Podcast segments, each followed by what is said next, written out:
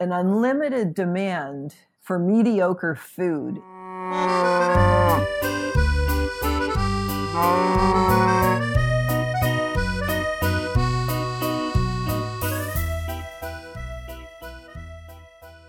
Det är er Ostpodden och jag är er Merryl Winstein. Just det. Och jag, jag är Johan. Jul och nyår har passerat utan så mycket som en utandning från Ostpodden. Det råder vi bot på idag. Med långt vindlande samtal från USA till Danmark och tillbaka. Från menlös dussinost till stygga kittostar och en hel massa annat. Vi ska strax släppa loss Meryl Winstein. Men först ett par roliga grejer. Den första är att det är ostfestival i Stockholm. 14 16 februari på Münchenbryggeriet. Kan du tänka dig ett bättre ställe att starta alla hjärtans-dejten på? Eller ragga upp en dejt över något av smakproven som bjuds? Eller samtidigt som du lyssnar på Ostpodden live. Ja, för jag är där och jag kör podd på scen några gånger om dagen, varje dag. Hittills har jag en eh, solid lista på gäster och jag har fler på gång. Så, för det första, kom till Ostfestivalen som är en hyllning till svensk ost. För det andra, när du är där, leta reda på lilla scenen. Lyssna på någon av mina gäster. Ställ de där frågorna som du velat ha svar på. Eller hoppa upp och säg hej, helt enkelt. En som inte väntade till Ostfestivalen med att säga hej, det är Frida. Hon hörde av sig på johanetostpodden.se och delade med sig av en diktsamling. Inte vilken diktsamling som helst heller, utan en samling dikter. Hundra stycken. Om ost. Egenhändigt författade. En om dagen i hundra dagar. På väg till jobbet, berättar hon. Och jag har fått tillåtelse att använda dem. Så eh, kan vi köra någon slags dagens dikt här. Även om det inte blir varje dag då. Är du redo? Så kommer den första dikten här.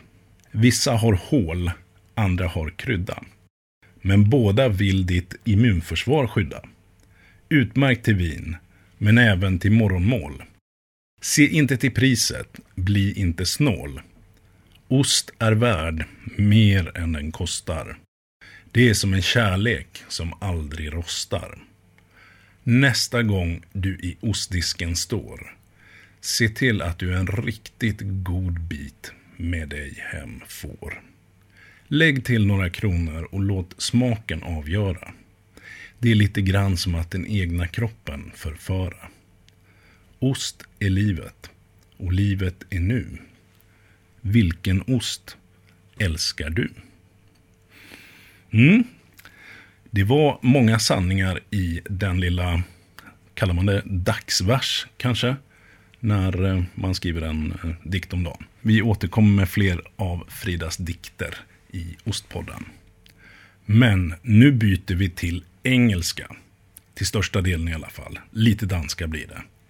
Och vi flyttar oss tillbaka till senhösten 2019. Då jag fick ett långt snack med Meryl Winstein som ägnar större delen av sitt liv åt ost. Hon undervisar. Hon har skrivit en mäktig bok. Hon är precis i startgroparna för en YouTube-kanal. Och eh, dessutom pratar hon som sagt danska och eh, ja, du får lyssna själv. Och eh, jag får be dig ha överseende med ett ljud under det här samtalet som emellanåt är lite halvraspigt. Intervjun är gjord online och eh, ja, ska vi säga som så här. Jag lärde mig att min sons gaming-headset inte är poddvänligt. Men jag tycker att innehållet mer än väl kompenserar för den halvdana ljudkvaliteten. Döm själv, för nu är det dags för Merryl Winstein. Hi, Merryl, and welcome to Ostpodden. Hi, Johan. Let's let's just start with a, a short introduction of yourself. Well, my name is Merryl Winstein, and I teach cheese making classes mostly in the US, but elsewhere too. I would actually go anywhere in the world to teach a cheese making class. I wrote a new big red book called Successful Cheese Making. And in 630 pages with 800 photos, it covers just about everything there is about how yeah. to make the best high quality artisan cheese, but using simple home equipment and the correct traditional and professional methods. Mm. We'll talk. We'll talk a lot more about that later on. Okay. So, but but you also come from. You have been. You have had goats of your own, right? Yes, yes. I owned dairy goats for 22 years. Okay. In our backyard, in a big Saint, uh, a big city in the United States called St. Louis, Missouri. Okay. And and were you a, a commercial uh, dairy producer or, or cheese producer back then? Well, I would call it a micro dairy. In my state, it's perfectly legal to sell raw milk from your farm or your home where you produce it. So I sold a lot of raw milk and I gave a lot of cheese making classes. And I didn't sell cheese, but I made a lot of cheese. Okay. Uh, and you, you made other people make cheese as well, then, That's I guess, right. by selling the milk and teaching them how. Uh, and you still live in St. Louis, Missouri? Yes, I do. But the house I have now has a very small yard and no goats and no chickens. okay, but still a lot of cheese making. Yes, I, I still teach cheese making classes, and then there's cheese to eat. Yeah, but but how's the uh, supply of uh, of raw milk now when you don't have goats? Yeah, in the in the United States, each state has its own completely arbitrary laws about whether or not you can buy or you can sell unprocessed raw milk. So, Missouri, that's my state, you can buy raw milk for your own use. Um, so, I can buy it from any farmer that has it. And there are a lot of people here that have uh, cows, a few that have goats, and I can easily get raw milk. That's the best for making artisan cheese at home. Right, and uh, and you have to buy it from the farm. You cannot go out to to a store and and it will be raw milk there. Right. In our state, you can buy unlicensed raw milk from directly from the person that produces it, but that milk would not be in a store. Our state no. does have rules for becoming a licensed uh, raw milk dairy where you could sell the milk in a store, but that's so mm-hmm. complicated. Mm-hmm. Most people just don't do it. Okay. Yeah, because I'm, I'm thinking in Sweden, I, I believe you can you can buy raw milk from the farm, mm-hmm. but there's a limit.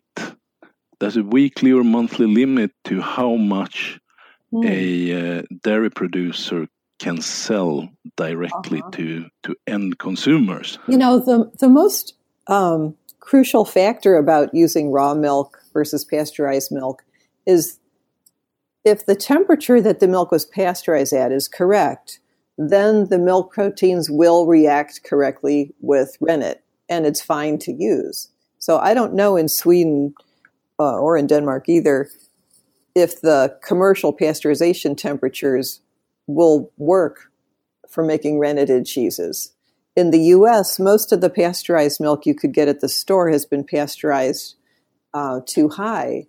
And so it can't react correctly with rennet for making renneted cheeses. But um, individual, there are a couple individual dairies that process it at a much lower temperature and it works fine. So it would be okay. Just it just depends on the, the temperature that the pasteurization happened at. You can make really good cheese out of pasteurized milk. Yeah, I, I, agree, and and I mean we have a lot of um, small scale dairies and and also larger scale dairies in in Sweden making making perfectly good cheese from pasteurized milk. But as uh, I think I learned that from from your book actually about oh, um, the the temperatures and and the milk. Um, I got the temperature right here. Falling apart. Well, if the okay, if the milk hasn't gone over 71 and a half C, if that that's the maximum temperature that the milk can get to, and that milk will still work for making renneted cheese. Uh, as I said, uh, we'll get back to that book. But before that, we heard you speak almost fluent Danish uh, in the introduction here. almost. That was one sentence. One rehearsed sentence. So, what about that Denmark thing? Well, uh, jeg kan snakke dansk, uh, men ikke så godt. so we'll continue in English mostly. That was just as good as my Danish, actually. Oh, yours should be good. Or better. Or better. Uh, well, I did, uh, you know, my cheese making interest really began when I went to Denmark a long time ago when I was 14. I was visiting my Danish Girl Scout pen pal, and we're okay, still in touch. Right. It's been a lot of decades. Wow. We were going to an international Girl Scout camp, and then I stayed at her house for a few weeks. So it was it was kind of like being an exchange student. Mm-hmm. Um, it was really fun. And I don't know why I did this, but I somehow had the idea that whatever her family did or whatever they ate, you know, I should eat exactly what they ate and do exactly what they do. I don't know who told me that, but I somehow had that idea. So they put in front of me all kinds of weird cheese. Like I had never, ever tasted anything like that before. And I wouldn't have if it were here in the US. But there I was in a different country at her house. So I tasted it all and it was so good. It was so good. And um, that gave me an interest in eating Danish cheese. In those days, you could still buy some of it in stores here okay. in St. Louis. That's the middle of the country. But okay. As decades have gone by, people that were Danish and Scandinavian immigrants got older. And a lot of them came here in the 20s or 30s, and they got older, and finally the customers died off. So, in my part of the country, you can't buy Danish cheese the way that you used to. I guess that those uh, Danish cheeses were were the pretty smelly, sticky ones then. Yes, and the smelly, sticky cheeses are not popular in the U.S. at all. Now, I think they used to be because my mom said she, when she was a little girl in the 30s okay. and 40s, they used to eat Limburger, which is a lot like a very strong, let's say, uh, Havarti or, or even Danbo. But um, anyway, she never served that to us.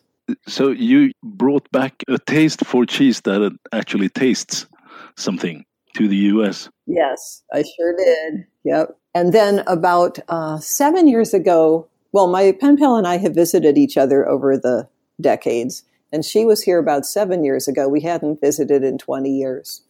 And I, she oh, didn't oh, really? know I was interested in cheese making, which I, uh, by that time, I, I had started having goats and making cheese and teaching, you know, learning how to make really good professional level cheese and, and teaching how. So I told her about oh. that when we were visiting. It was in New York City. And she said, Well, you know, Merryl, did you know my dad he was uh, in the dairy and creamery business since he was a little boy, and he was actually the yes he was actually the president of a cheesemakers uh, union when I had met her long ago. This was before consolidation and before before Arla took over a lot of it. Um, she said, "My dad and mom." My dad would only allow us to have the very best cheeses in our house and he and my mom would drive long distances to get them. And I said, no, I had no idea about that.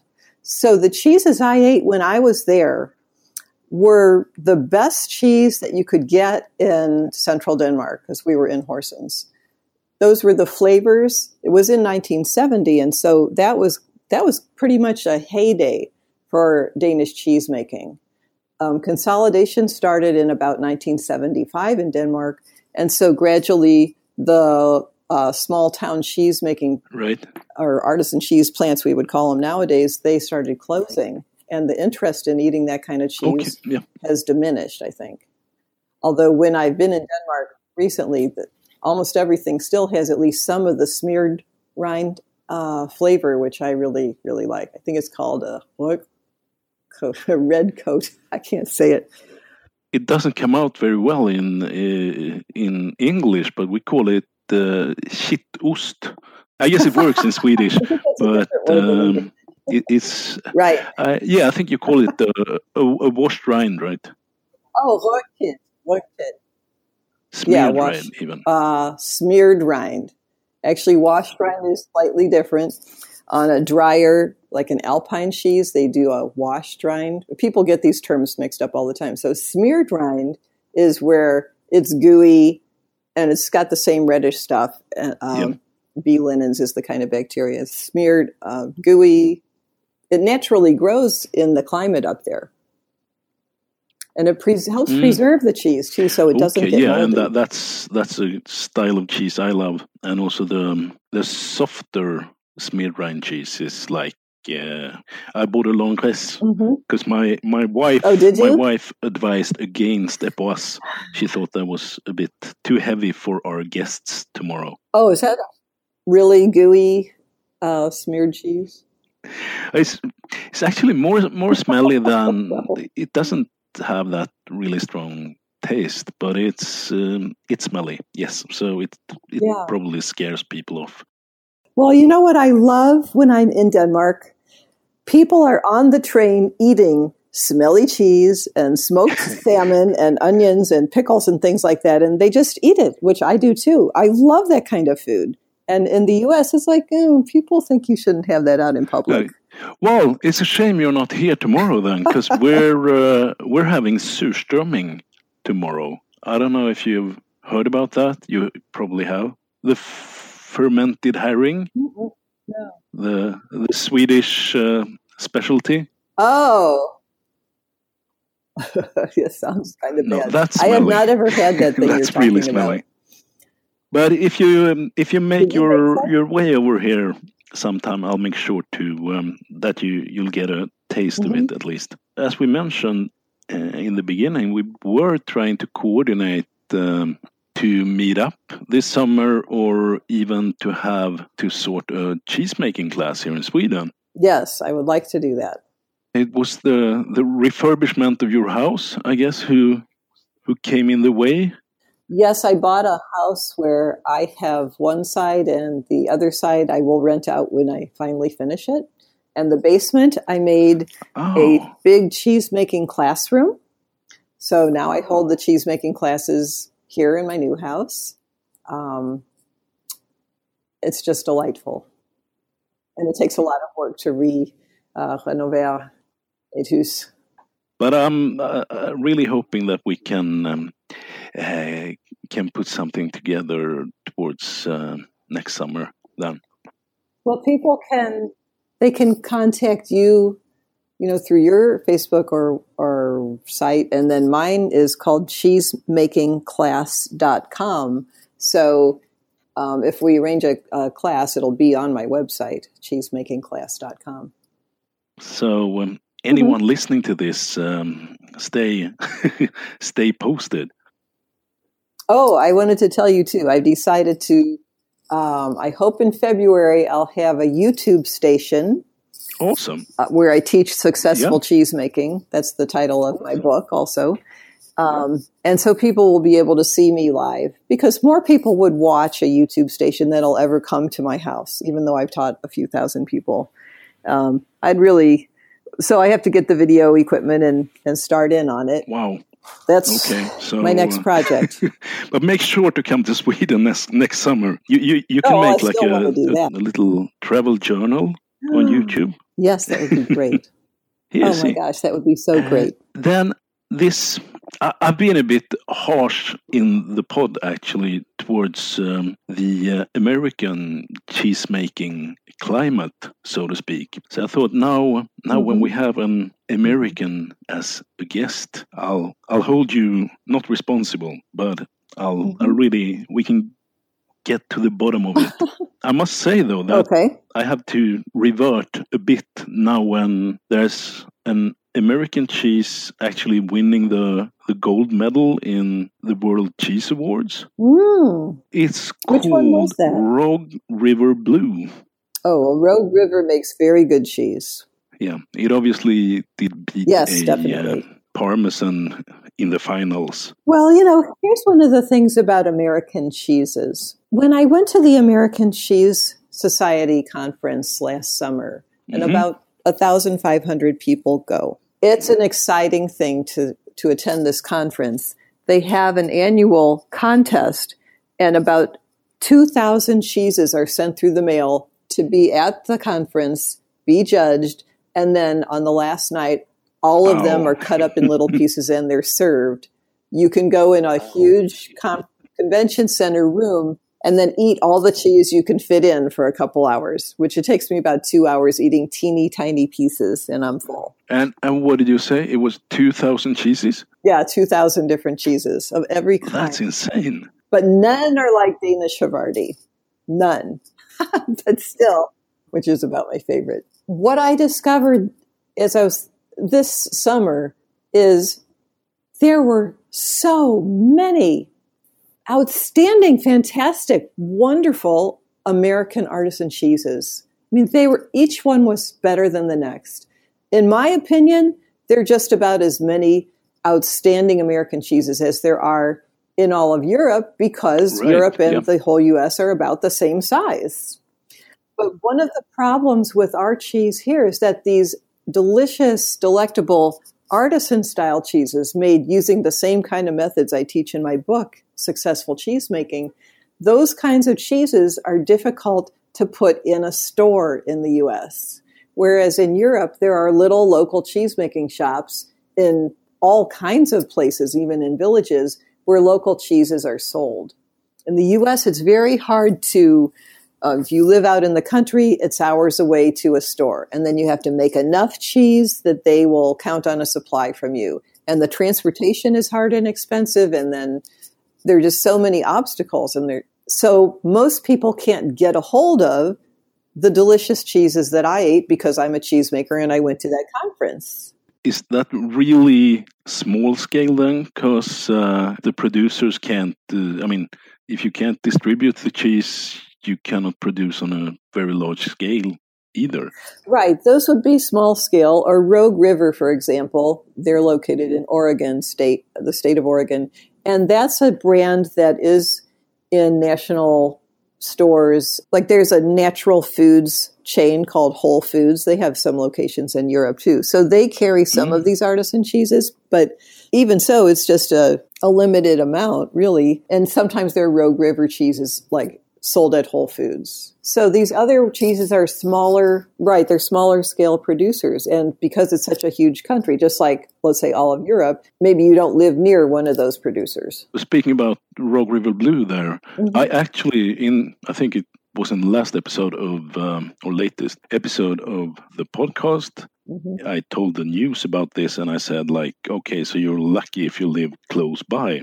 Mm-hmm. And then just a couple of days after, I see that you can actually get it at a little cheese store in Stockholm, Sweden. Oh, fantastic! So, wow. Yeah, so I was like, "Oh, I'm sorry, you can't get it in Sweden." Mm-hmm. But hopefully, we'll we'll get to see some of those uh, American artisan cheeses as well. Well, it takes um, so much doing that it's very it's a daunting task. It's a daunting task. So what you get instead are American commodity cheeses, mm-hmm. and in the U.S they're very bland. Even if it says aged a whole 60 days, it's really, you know, it's still very bland. And you know which kind it is because orange color means it's cheddar, white color means it's Swiss, and that type of thing. You know, things it's it's getting a little bit more. I mean, you can get a little bit better selection now than ten years ago. Like you can buy Comté at certain, you know, supermarket chains. Mm-hmm, mm-hmm. But I would say in the US, there's a, an unlimited demand for mediocre food. With 300 million people to eat it, a lot of people like mediocre food. So that's just the way that it is here. And that's what's sold in, you, know, you get more of that than the special, specialized uh, flavors. it's just like that here. That's where your YouTube channel should do the job. Well, I hope so, because if people get familiar with the right methods for making cheese, meaning the cheese will taste good and it will ripen correctly, then more and more hobbyists will be able to to um, make cheeses that taste good. In my book, Successful Cheese Making, that's what I show and have in all the 800 photos. But a lot of the cheese making books and the cheese making videos that are available have methods that are wrong. And so there's either too much rennet or the curds don't become dry enough and many other things that are problems so that in the end the cheese doesn't taste very good. I mean, it's like, oh, isn't that nice? You made some homemade cheese, but really your friends mm-hmm. don't like it that well, and it doesn't ripen correctly, and uh, you know, so that's what most a lot of people have access to. So I'm really excited about having my new video, you know, YouTube channel. Just one more thing before before we cut to the book.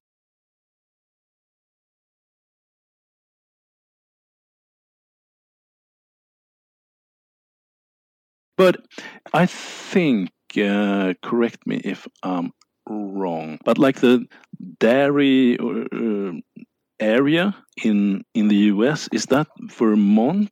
The, I read somewhere about some region where they are. They actually had the four or five of the best cheesemakers in the US, pretty close to each other. Well, Vermont, you have heard of it. Vermont is a very tiny state for the US. Mm-hmm. There are 500,000 people that live in Vermont, and there are about 50 licensed cheesemakers, licensed artisan cheesemakers in Vermont. So they make fantastic cheese. Vermont is where I went to take many a cheese making uh, course. So that's that's where I learned how to be a, a professional style cheesemaker. Um, in Vermont, they have more artisan cheese per capita than in any other state, but it is a little state. Like my state of Missouri has about probably 8 million people, and there are maybe 20 licensed cheesemakers or maybe 30. People must um, easily be able to find uh, artisan cheese in Vermont then, I oh, guess. Oh, yes, that's right, because it's, it's so small. And then the, the spirit in Vermont is we're cheesemakers, we're Vermont cheesemakers. So they work, you know, they're together. There's a, a shared vision of making outstanding, delicious cheese. It's just it's just phenomenal. There's so many people that are doing that in okay, a concentrated so. area. But other states, just about every state now has uh, delicious artisan cheese being made, but it's you know it's spread out. Well, Vermont is definitely on on my next uh, travel itinerary for for for the U.S. Yes, and you can go from from cheese plant to cheese plant, you know, without driving very far sounds awesome. So that's I, just wanted to verify that. So then I'm I'm not lying to people if I tell them about that. it sounds like there's really good hope for for you as artisan cheese again. Well, I think so because there's more now than there was 10 years ago. And 10 years ago there was way way more than there was 10 years before that. And with the okay. internet the information is more available and the sharing of information and the ability to market. You know, the internet has made things explode and that's great. And I hope my book and my YouTube channel, you know, about successful cheese making is going to help that happen. I think it will. So let's skip to that book now. It's actually one book in two volumes, mm-hmm. right? At least I, the one I yeah, have. I had to cut it in half because it got too heavy and the the book is really just how we we got in touch. Or yes. I heard you on another podcast, mm-hmm. Cutting the Curd, which is that's a US podcast, right? Yes, there's a link to that on my website, cheesemakingclass.com. And uh, I I just thought that uh, that's a book I need. I need to have that. I'm so glad you bought it. Somebody in Iceland bought it also. Okay, yeah, and I'm glad I bought it too because it's helped me out a lot. It it did set me back quite a few cents, but it was worth every one of them. Oh, I'm glad to hear that. What did you learn? You think? Uh, everything from I mean, I've tried. I was just uh, you know flipping through it right before we spoke, and I found like, yeah, it's a shame you can't see this. I found an an envelope Let's see. It's with uh, the feta style cheese.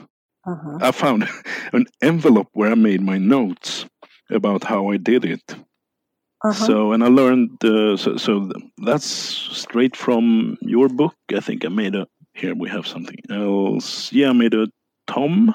Mm-hmm. You know, French the, tomme. Yeah, the semi, semi hard cheese. But then also all the, the theory, as I said, about the, the milk chemistry and so on.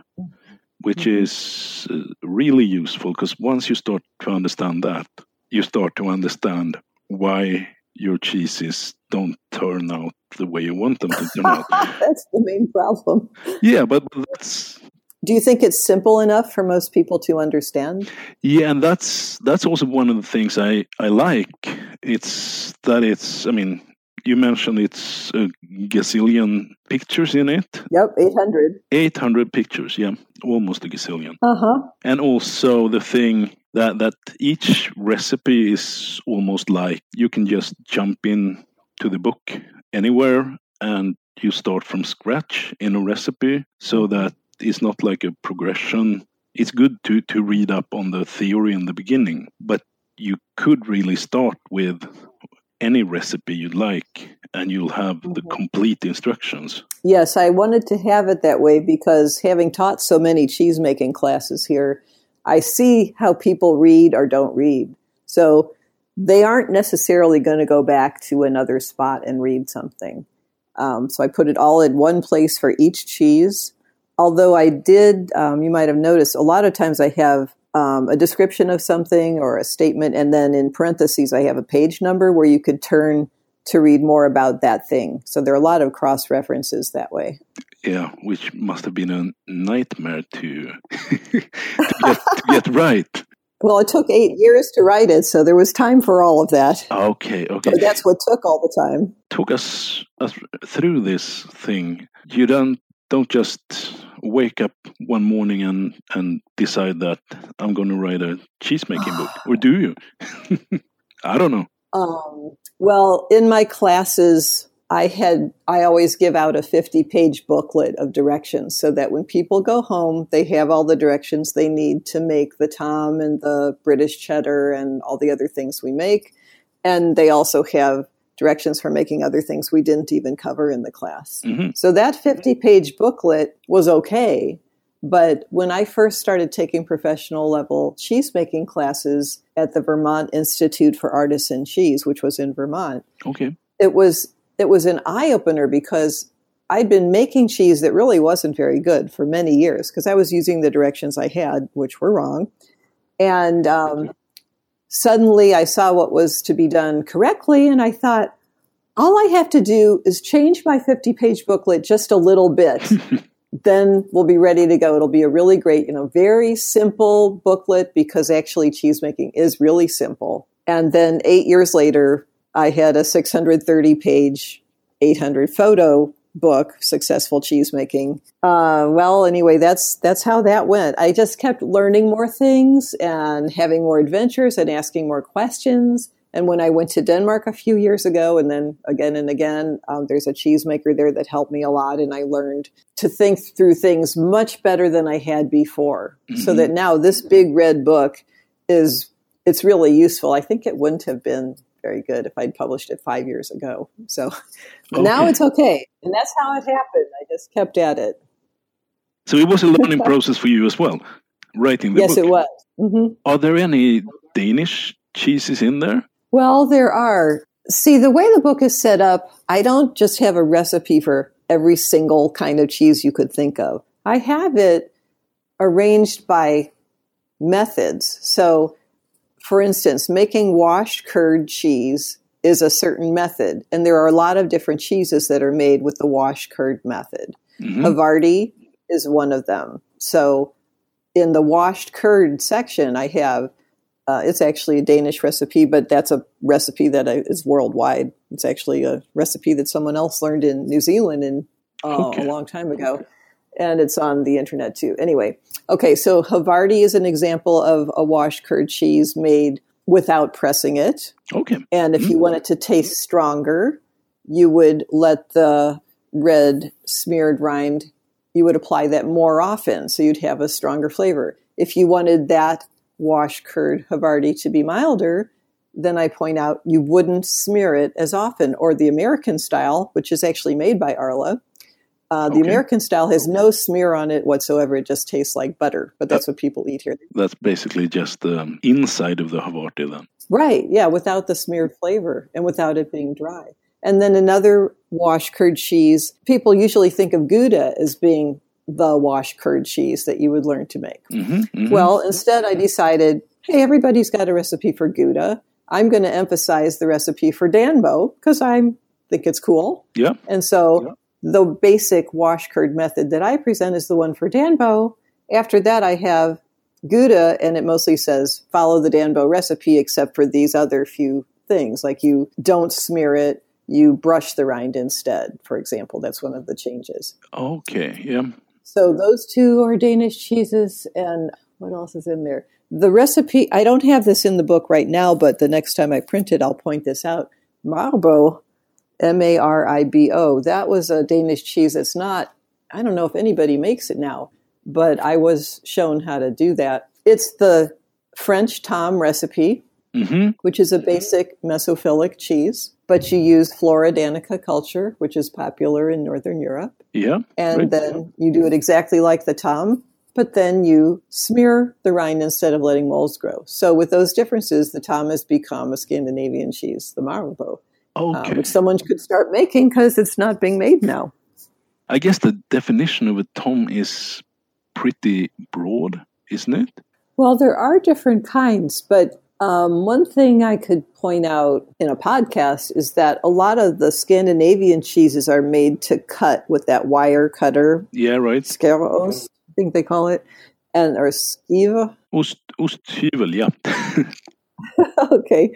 And so the tomme, you can't cut it with the wire. No. It's hard. You need to cut it with a knife. do you have a? By the way, do you, do you have a favorite uh, cheese in the book, or recipe, or style of recipe that you uh, present in the book? Yeah. In my big red book, Successful Cheese Making, I think my favorites to make are the French tomme and also the, that's a basic mesophilic renneted cheese that's pressed.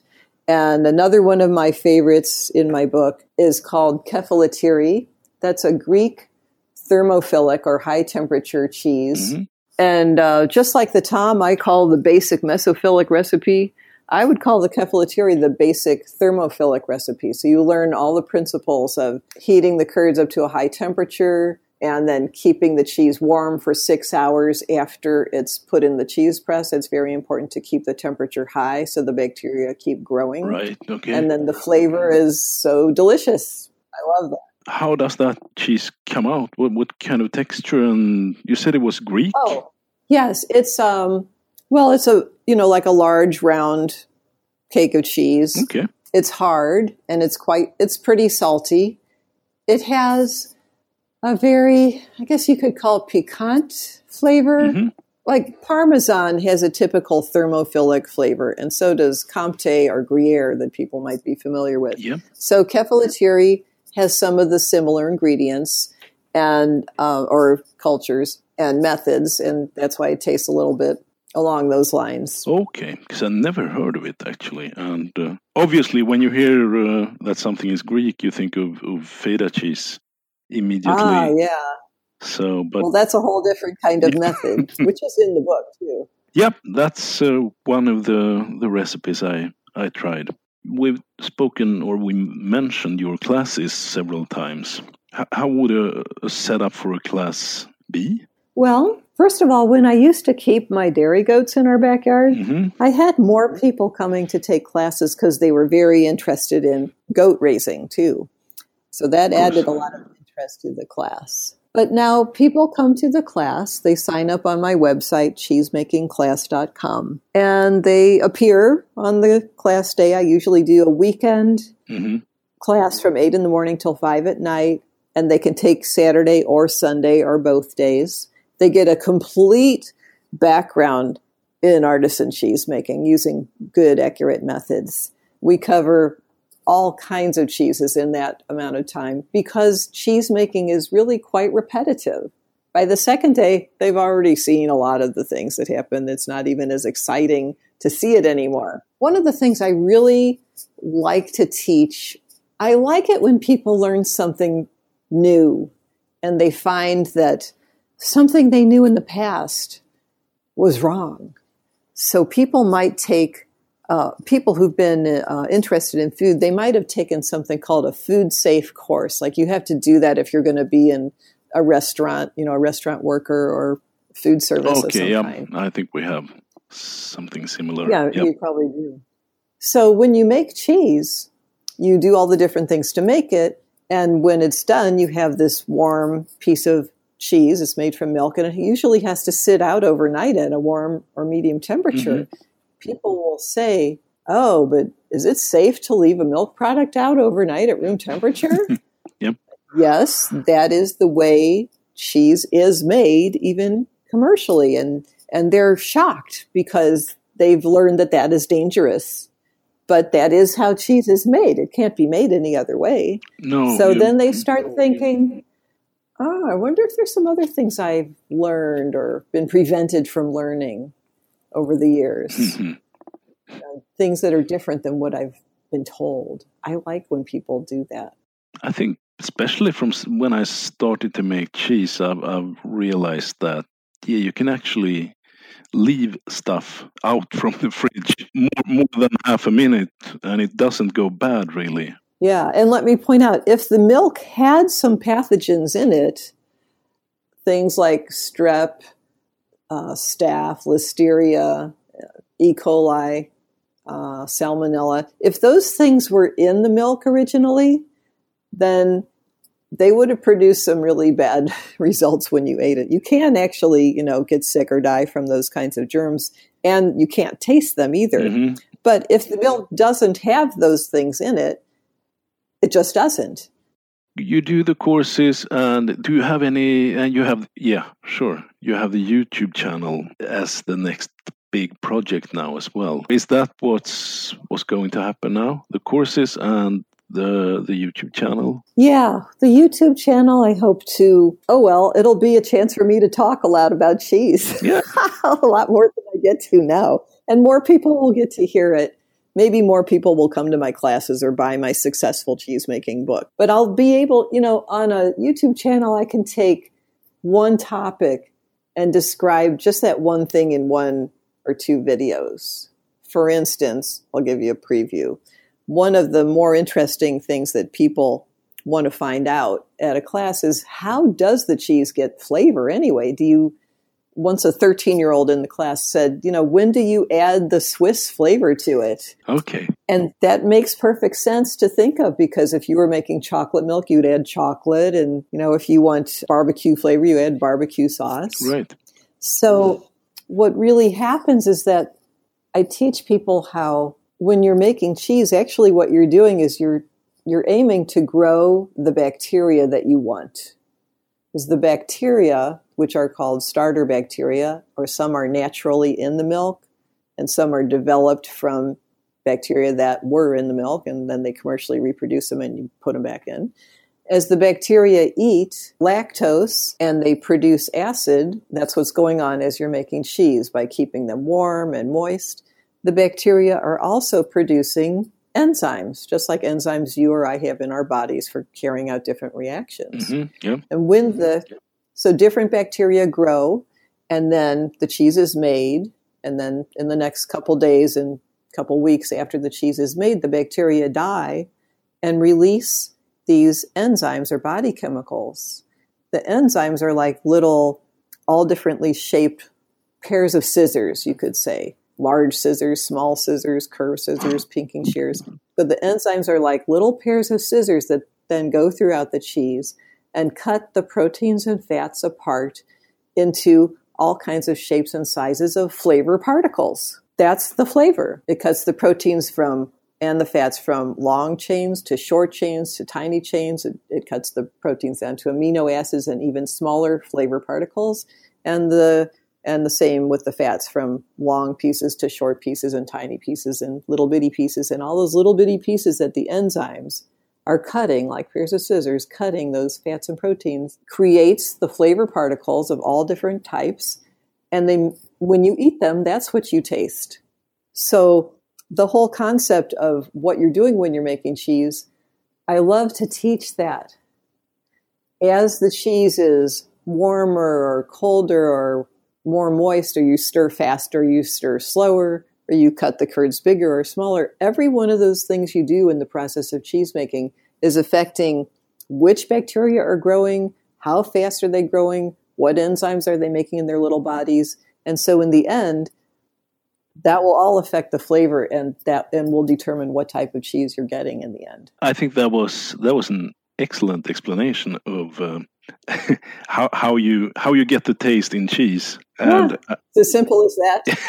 Exactly. And you can really tell that you're passionate about teaching. So um, that youtube channel will probably be quite something. Is there any did i ask you that? Is there any kind of cheese that you like making? We we spoke about you make tomme and um, oh, the kefalotiri yeah that, that was the one and that is because you like you like the the result or mm-hmm. because mm-hmm. you like making them or as you said hmm. a lot of making the cheese is kind of the same a lot of moments are the same then it's a lot of waiting That's true. I don't like that part. No.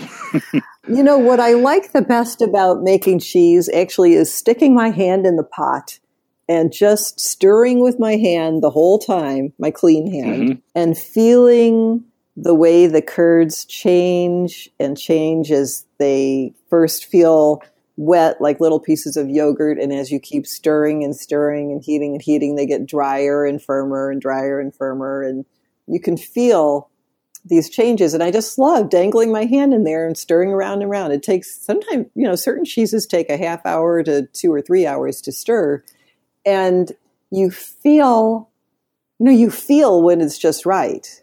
When you feel it and it has just the right texture that's the time you take the curds out and put it in the cheese hoop and in the cheese press if you're making a pressed cheese. I just love that. I just love feeling it. I love knowing it. I love being able to show people that. Mm-hmm. and when it's at just the right texture when you take the curds out that's going to give you the chance of having a good flavored cheese. If it's not at just the right texture, it's, let's say if it's too wet, which most people, they don't know how dry it's really supposed to be. So it's too wet and different things happen and then the cheese really doesn't taste very good. It tastes sour or even bitter and it's too gushy. So I, that's, I think I like the process of it more than specifically making one cheese or another.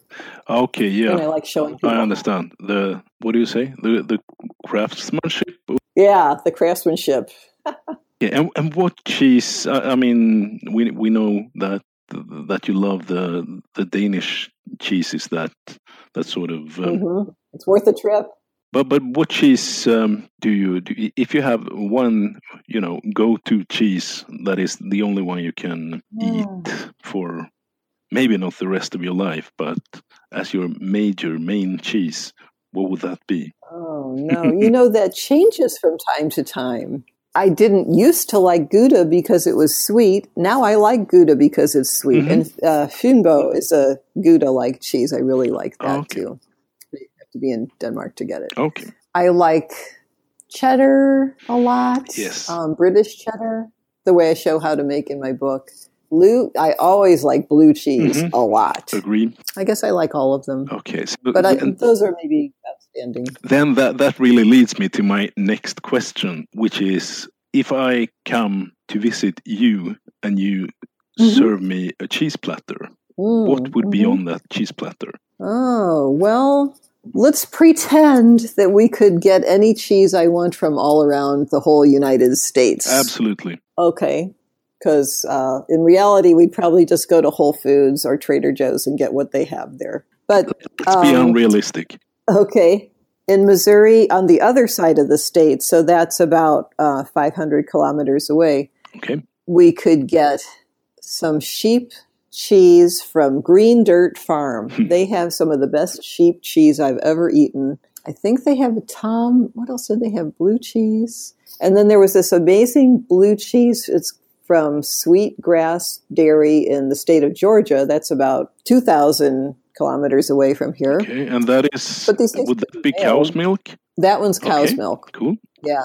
They're blue. They have two different blue cheeses, and one of them is my total favorite. And I'd have to see which is which. Okay, so there we have a like a well, we'd have to have some kind of brie cheese. I actually really like the bries that you get from Trader Joe's store. Those are they're really good. Trader Joe's is a chain. Yeah, could you hold on uh, just a little while? Yes. Uh huh.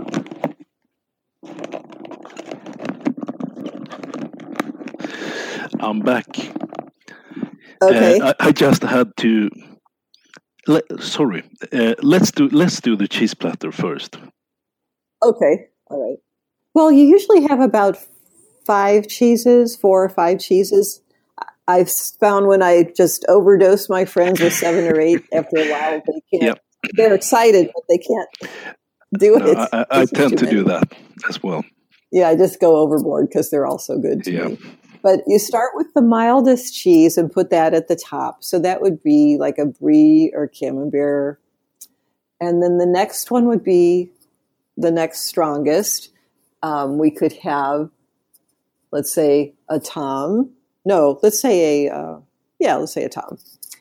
That's kind of a medium strength or a Gouda. So that's about the same strength. Maybe it's a little sweeter than a Tomme. Mm-hmm. And then you keep going to a harder, drier cheese, like a an Alpine style cheese made in the Alps. That would be Gruyere or Comté. And then finally, the strongest flavor, which would be uh, blue cheese, for example. Yeah, we'll. Or a really strong um, smeared rind cheese that would be gooey and mm-hmm. yep. uh, super strong. So that would be an example of um, what I could serve you here because I wouldn't be able to probably find a really good um, smeared cheese here. So too bad. You have to eat that in Scandinavia. I'll eat that before I before I leave for the US. Right. That's right. Yeah, and you know, people can make that kind of a cheese plate from cheeses they can get where you live. It's entertaining to have a set of cheeses like that for your friends because i since i eat that kind of thing all the time i'm surprised that my friends actually they don't know what these different cheeses are i have a hard time sort of moving away from it I, I, just dive deeper and uh, it's really mm-hmm. fun well, don't you have a cheese making plant now? I am actually quite a bit in discussions right now about a new place for that. And I'm also in discussions for scaling up. So we're getting serious. And it shows that you can't get away from it. No, exactly. No, no, and uh, that's what I say. It's, there's no turning back. It has to happen. It's just a matter of, mm-hmm. of when and how. Do we have anything more to cover? Let's We've see. spoken about the book, Successful Cheesemaking.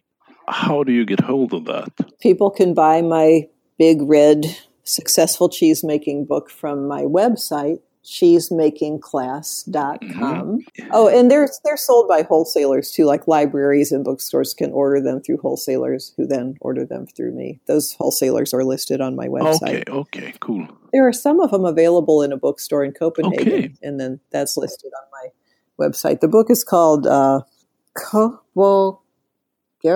Yeah, Kobogariet. Uh, Kobogariet.